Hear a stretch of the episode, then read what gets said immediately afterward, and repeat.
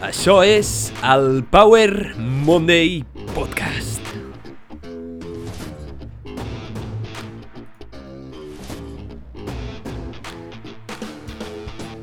Benvinguts al Power Monday Podcast. Soc en Pau, el teu apassionat de fitness, inspiració i ciència. I en aquest podcast, cada setmana et porto un missatge, personatge, concepte o eina poderosa per ajudar-te a descobrir com desbloquejar la grandesa que tens dins teu i viure millor gràcies a la ciència, l'exploració i el coneixement.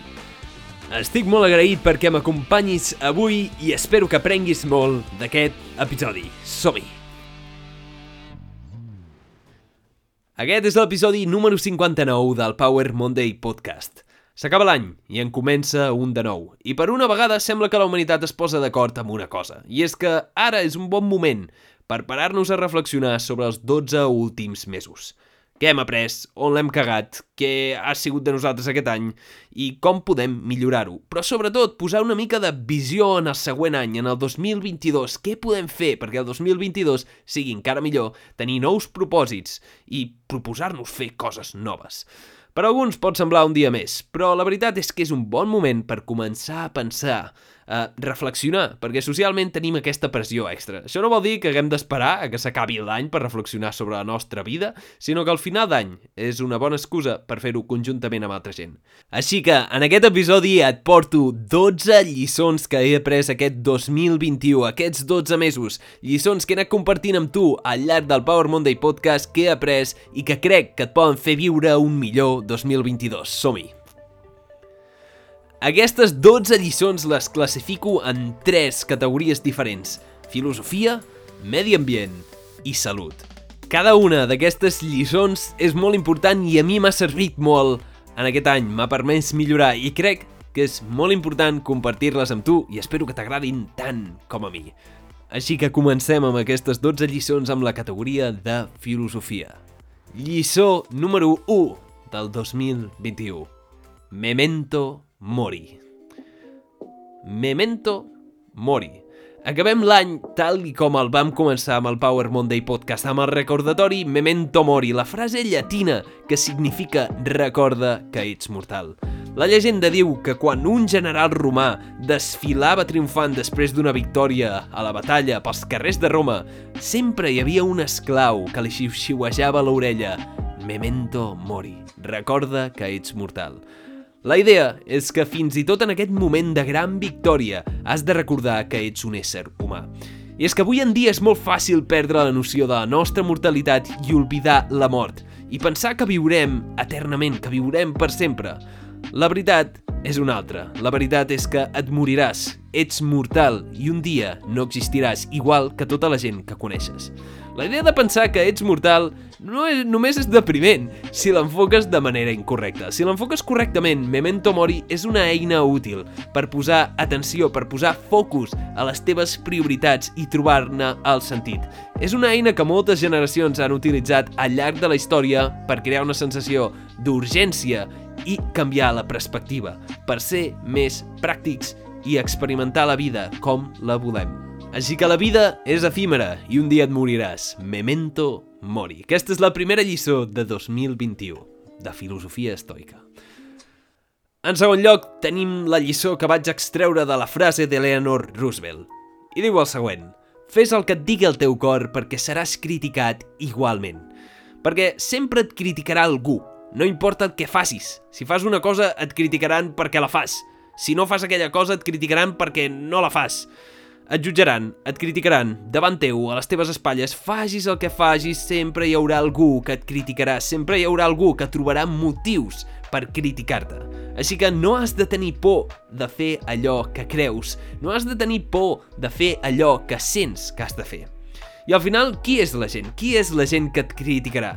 Si realment fas el que t'estimes, si realment fas allò que realment desitges, la gent que t'estima i t'entén de debò et recolzarà i la resta potser no és tan important.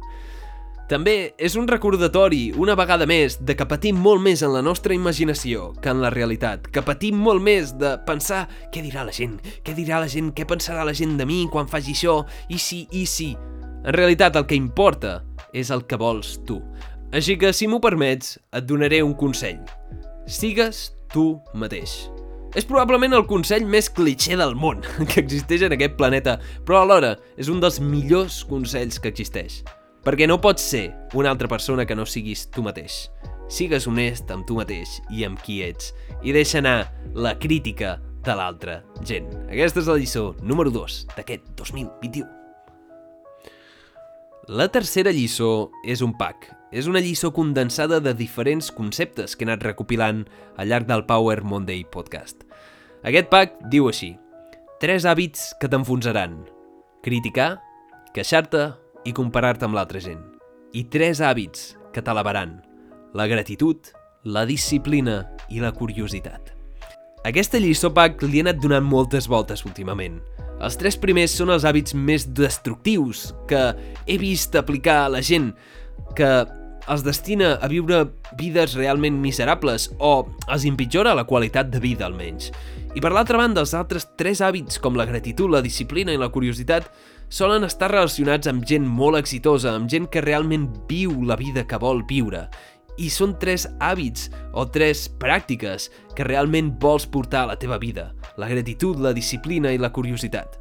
Els primers, els tres hàbits més destructius, es centren realment en coses que no pots canviar, com queixar-te, com criticar i comparar-te amb l'altra gent. Hàbits que no t'aporten res. En canvi, els altres tres et poden elevar a viure una vida molt millor. La gratitud, la disciplina, la curiositat són realment unes pràctiques i uns hàbits realment bons per la teva vida. Això em recorda a una pregària que existeix en filosofia estoica o que recorda la filosofia estoica, que diu el següent. Prego per serenitat per acceptar les coses que no puc canviar, coratge per canviar les coses que puc canviar i saviesa per entendre la diferència. I és que al final hi ha moltes coses que no pots canviar, coses que no depenen de tu, coses que no podràs canviar encara que vulguis. Així que no mereixen el mínim interès. Centra't en les coses que sí que pots canviar i les coses que realment afecten la teva vida. Queixant-te no canviarà res, criticant no canviarà res i comparant-te no canviaràs res. En canvi, estant agraït, tenint disciplina i sent curiós, sí que pots canviar la teva vida. Tres hàbits que et poden enfonsar versus tres hàbits que et poden elevar. Intentaré aquest 2022 portar més dels tres que m'eleven que no pas dels que m'enfonsen. Aquesta és la tercera lliçó. Anem a per la quarta lliçó de filosofia per acabar aquesta categoria. La quarta i última lliçó de la filosofia és el principi paradoxal de la disciplina, que diu el següent. Eleccions fàcils a curt termini porten a conseqüències difícils a llarg termini, mentre que eleccions difícils a curt termini ens porten a conseqüències fàcils a llarg termini. I és que en l'episodi número 50 parlàvem de procrastinació i de com patim igualment. És a dir, tant si vols ser disciplinat com si no vols ser-ho, patiràs. L'únic que la persona disciplinada arriba més lluny. I és que el camí més curt que et garanteix una vida més fàcil és fer les coses difícils i dures, primer. El més aviat possible, per evitar l'interès compost que ve després. La procrastinació és en realitat un préstec que ve amb interessos més endavant. La disciplina és en realitat amor per un mateix. I aquesta és la última lliçó de filosofia. El principi paradoxal de la disciplina. Bastant interessant. Ara anirem a per les lliçons de medi ambient, però abans, si us plau, digue'm, quina és la lliçó que has extret tu aquest any sobre filosofia o desenvolupament personal que t'ha marcat. Me la pots convertir a Power Monday Show a Instagram i si pots, compartir aquest episodi amb algú que creguis que pot extreure alguna lliçó. Som-hi, anem a per les lliçons sobre el medi ambient. I és que el món s'enfronta a molts problemes. Fam, guerres, mort, epidèmies, falta de recursos, catàstrofes naturals... Però hi ha un problema que fa tots aquests problemes molt pitjor. Un megaproblema el canvi climàtic. El canvi climàtic és real i ho hem vist durant aquest 2021. Grans catàstrofes, grans problemes, deforestació... La veritat és que tot això depèn de la nostra activitat, de l'activitat humana i fonamentalment del capitalisme, el sistema que fem servir. Però anem a veure quatre lliçons que he extret aquest any sobre aquest tema. En primer lloc, les 100 solucions per frenar el canvi climàtic. El canvi climàtic està clar que és el feedback que ens dona el planeta quan s'escalfa globalment derivat de la producció de gasos d'efecte hivernacle. Això es deu a la intensa activitat humana basada en el capitalisme i el consumisme massiu. És a dir, emetem molts gasos, però com ho podem solucionar? Quines són les solucions que realment importen per frenar aquest problema, per frenar el canvi climàtic? Doncs, en l'episodi 39 compartí amb tu com un grup de científics internacional es va posar d'acord i va analitzar les 100 solucions per fer front al canvi climàtic, el Project Drawdown. Sorprenentment, xocantment, les quatre solucions més importants que destaquen al top en diferència són les següents. Redissenyar la refrigeració, com els congeladors i els aires condicionats, perquè emeten un gas en particular, l'hidrofluorocarbur, que té molt efecte hivernacle. Reduir el menjar que es llença, és a dir, les despeses alimentàries, perquè tirem un 30% del que produïm, és a dir, això contamina una barbaritat i, a més a més, quan es descomposa, allibera metà, un altre gas hivernacle, en tercer lloc tenim passar a una dieta basada en plantes com la tercera acció més gran que podem fer com a espècie és moure'ns a, a una dieta basada en plantes per contaminar menys i en quart lloc tenim la reforestació i frenar la deforestació de boscos per fixar el carboni. Així que de totes les solucions que existeixen en aquest planeta, les quatre més eficaces són aquestes i són les quatre solucions més importants en les que hauríem de destinar la màxima quantitat de recursos possibles. Refrigeració, menjar, evitar la despesa de menjar, dieta basada en plantes i reforestació. Molt important aquesta lliçó. Anem a per la segona lliçó d'aquesta secció, els plàstics. I és que en l'episodi 16 de Power Monday parlava dels plàstics com una bendició que va ser els plàstics s'han convertit en realitat en una maldició. Estan per tot arreu. Tenim una illa al mar superior en superfície a l'estat de Texas, on es calcula que el 2050 hi haurà més quilograms de plàstic en el mar que peixos en el mar. El més important de tot és saber que el plàstic no recicla pràcticament. El plàstic es recicla molt malament. I no perquè no tirem els contenidors al plàstic, sinó perquè pocs tipus de plàstic són en realitat 100% reciclables. Només un 10-30% dels plàstics que utilitzem es reciclen. Per tant, la solució en aquest cas no està en reciclar, sinó en reduir el seu ús. Per tant, reduïm l'ús de plàstics d'un sol ús. Segona lliçó del medi ambient. Anem a per la tercera lliçó, el greenwashing. En aquest panorama és molt important entendre el greenwashing. Què és el greenwashing? És el rentat d'imatge en verd i és bàsicament l'acció d'una empresa, govern o organisme d'utilitzar el màrqueting per promoure la percepció de que els seus productes, objectius o polítiques són respectuosos o bons pel medi ambient, quan en realitat és exactament el contrari. Moltes empreses saben que ara hi ha molt interès per al canvi climàtic i que la gent vol sentir-se bé amb les seves compres. El que fan és un rentat de la seva imatge i t'intenten fer creure que el que compres és correcte.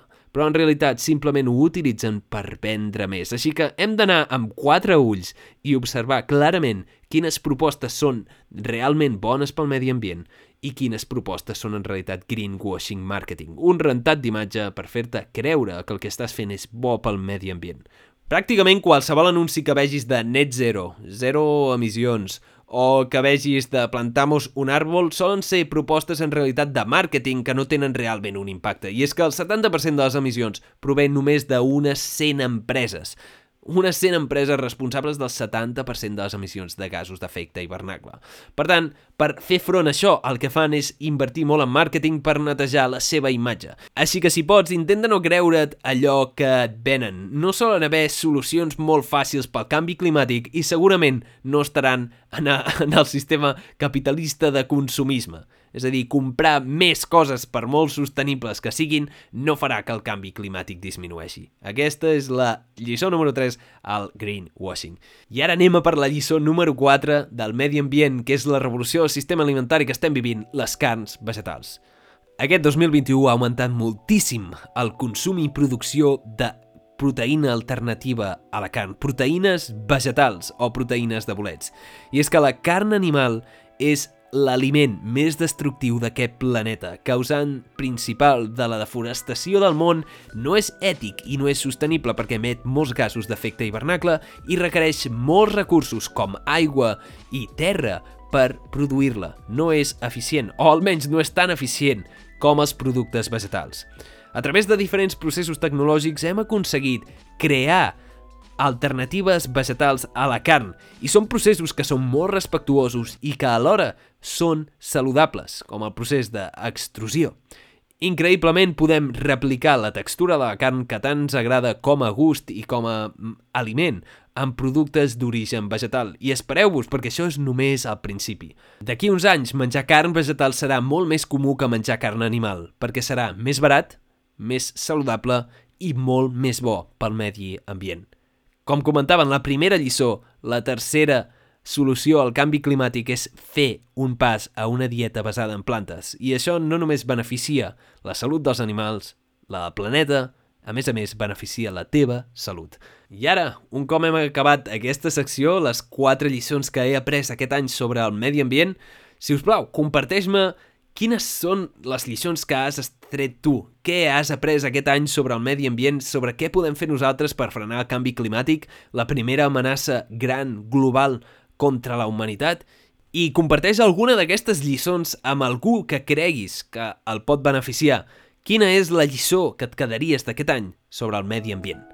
I dit això, abans d'acabar aquest episodi amb les quatre últimes lliçons, deixa'm agrair-te que hagis arribat fins aquí i si pots comparteix aquest episodi. Anem a per les quatre lliçons de salut quatre maneres, quatre consells que et poden permetre viure millor, que et poden permetre portar la teva vida i la teva experiència vital al següent nivell. I és que en aquest podcast eh, he compartit molta informació sobre ciència, sobre com viure millor, sobre com tenir una millor salut en general. Anem a per la lliçó número 1 sobre salut. I aquesta va de nutrició. I sí, estàs a punt de sentir una altra vegada dieta basada en plantes. I és que és increïble, és increïble com tots els patrons i dietes que han demostrat evidència científica per millorar la salut de la gent i fer front a l'epidèmia de malalties cròniques que estem vivint, de malalties cardiovasculars, diabetis, obesitat, càncer i altres trastorns, tots coincideixen en una sola cosa. Són dietes basades en plantes. Les poblacions que viuen centenàries, les poblacions que hem observat que són més longeves en aquest planeta, segueixen dietes basades en plantes, dietes baixes en productes processats i molt baixes en productes d'origen animal, ja sigui làctics, peixos, carn o ous. Dietes basades fonamentalment en plantes. Ja sabem com s'ha de menjar bé. Dieta basada en plantes. Ho puc repetir una altra vegada, si vols. Però no cal. El millor de tot és que, a més a més, aquesta dieta no és només bona per tu, sinó que és bona per al teu planeta.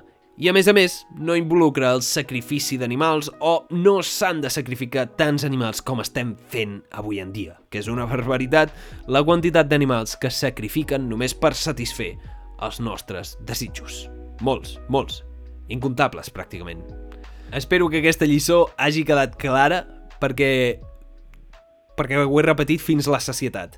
A més a més, si vols, en l'episodi número 29 pots escoltar més sobre aquest tema i també hi ha un episodi en el que parlo sobre el dejú intermitent i el dejú eh, allargat, més d'un dia, i els beneficis que ha demostrat això per la ciència. T'ho dono com a eina per poder viure millor. El dejú realment és una molt bona eina nutricional, si s'utilitza adequadament.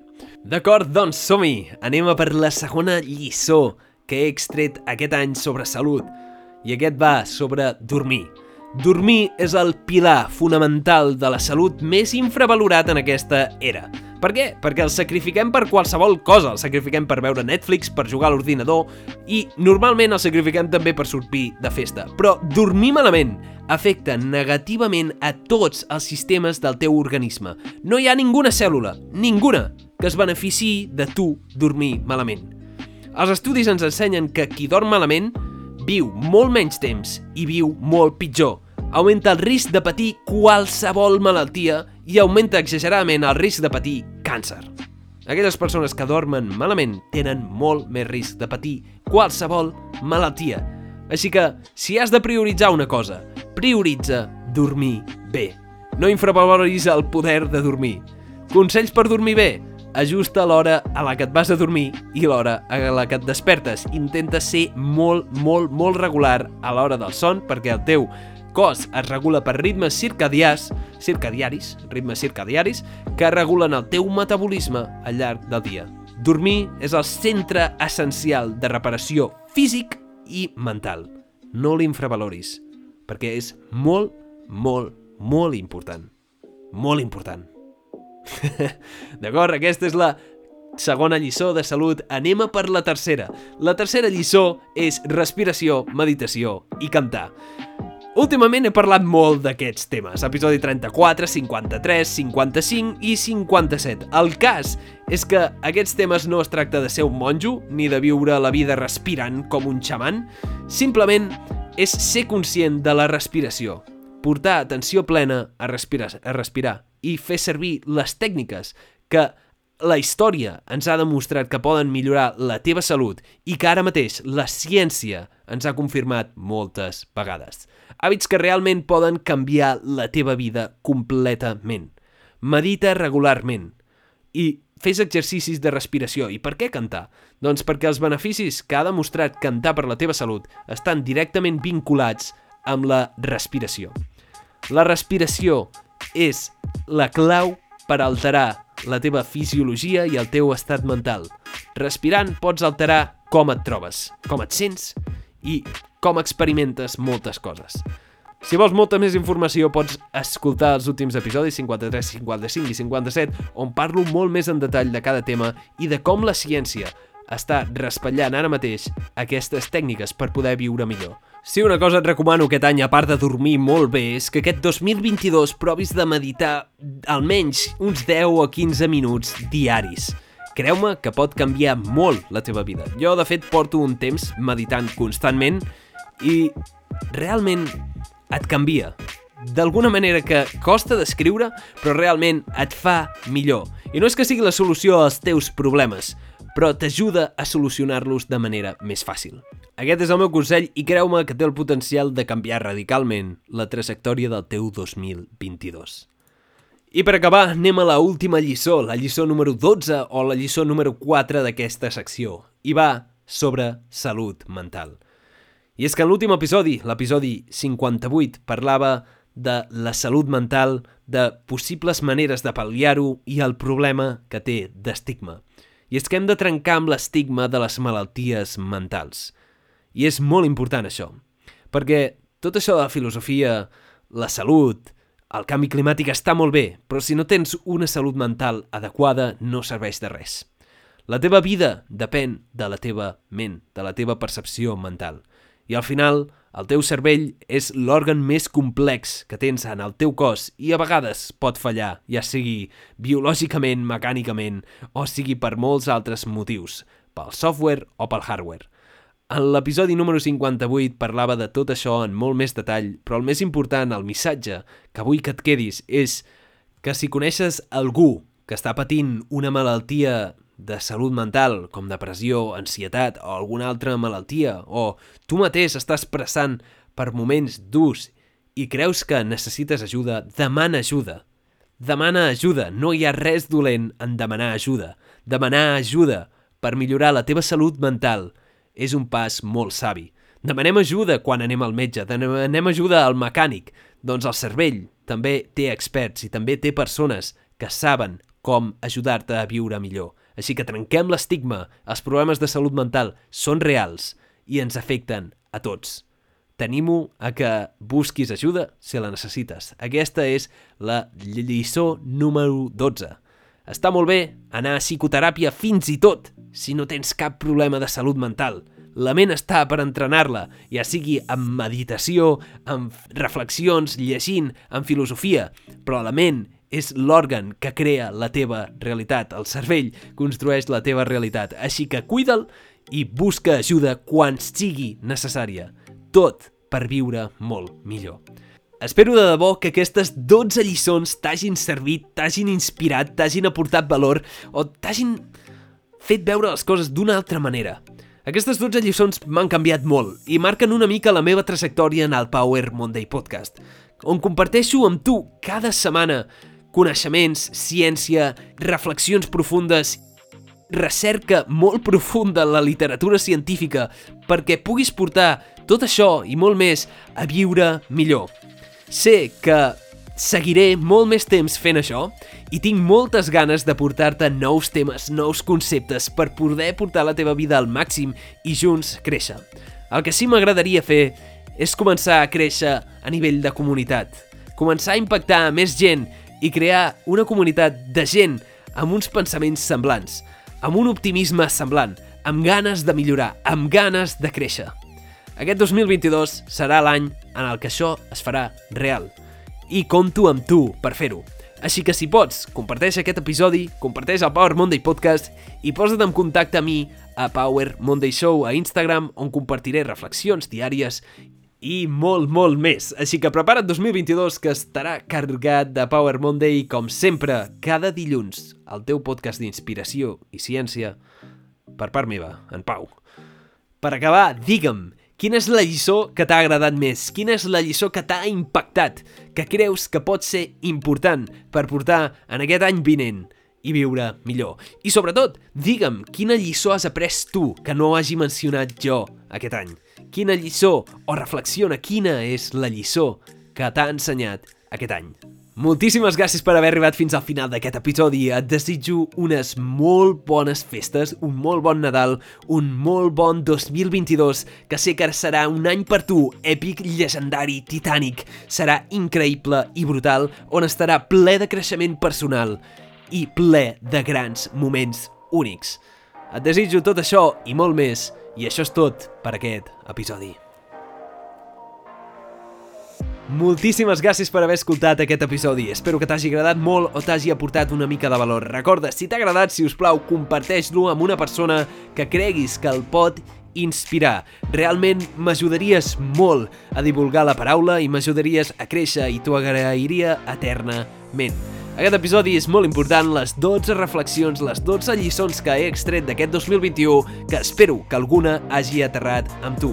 Em pots trobar a moltes plataformes de podcast, com Google Podcast, Apple Podcast o Spotify, i allà em pots compartir l'episodi. També em pots posar seguir a Power Monday Show a Instagram i allà puc compartir amb tu més contingut i posar-me en contacte directament amb tu. Espero que t'hagi agradat realment aquest episodi i et desitjo una setmana èpica, plena de creixement personal i molt bones festes. Moltíssimes gràcies per estar a l'altra banda. Ens veiem, com sempre, en el pròxim episodi. Ciao. Uh, yeah! Últim episodi de l'any! Bueno, Pau, què n'has d'opinar d'això? Bé, uh, ha sigut un any ha sigut un any una mica uh, complicat amb algunes coses, però realment ha sigut un any bastant èpic. Realment, Memento Mori és amb la reflexió que em quedaria jo, de recordar que sóc mortal i de que aquest any realment pot ser l'últim. L'he gaudit molt i estic molt agraït d'aquest any. Ok, moltes gràcies Pau per aquest comentari. Memento Mori realment és una bona reflexió, una mica dark, però està bé. Adeu 2021, benvingut sigui 2022. Uh! Let's go!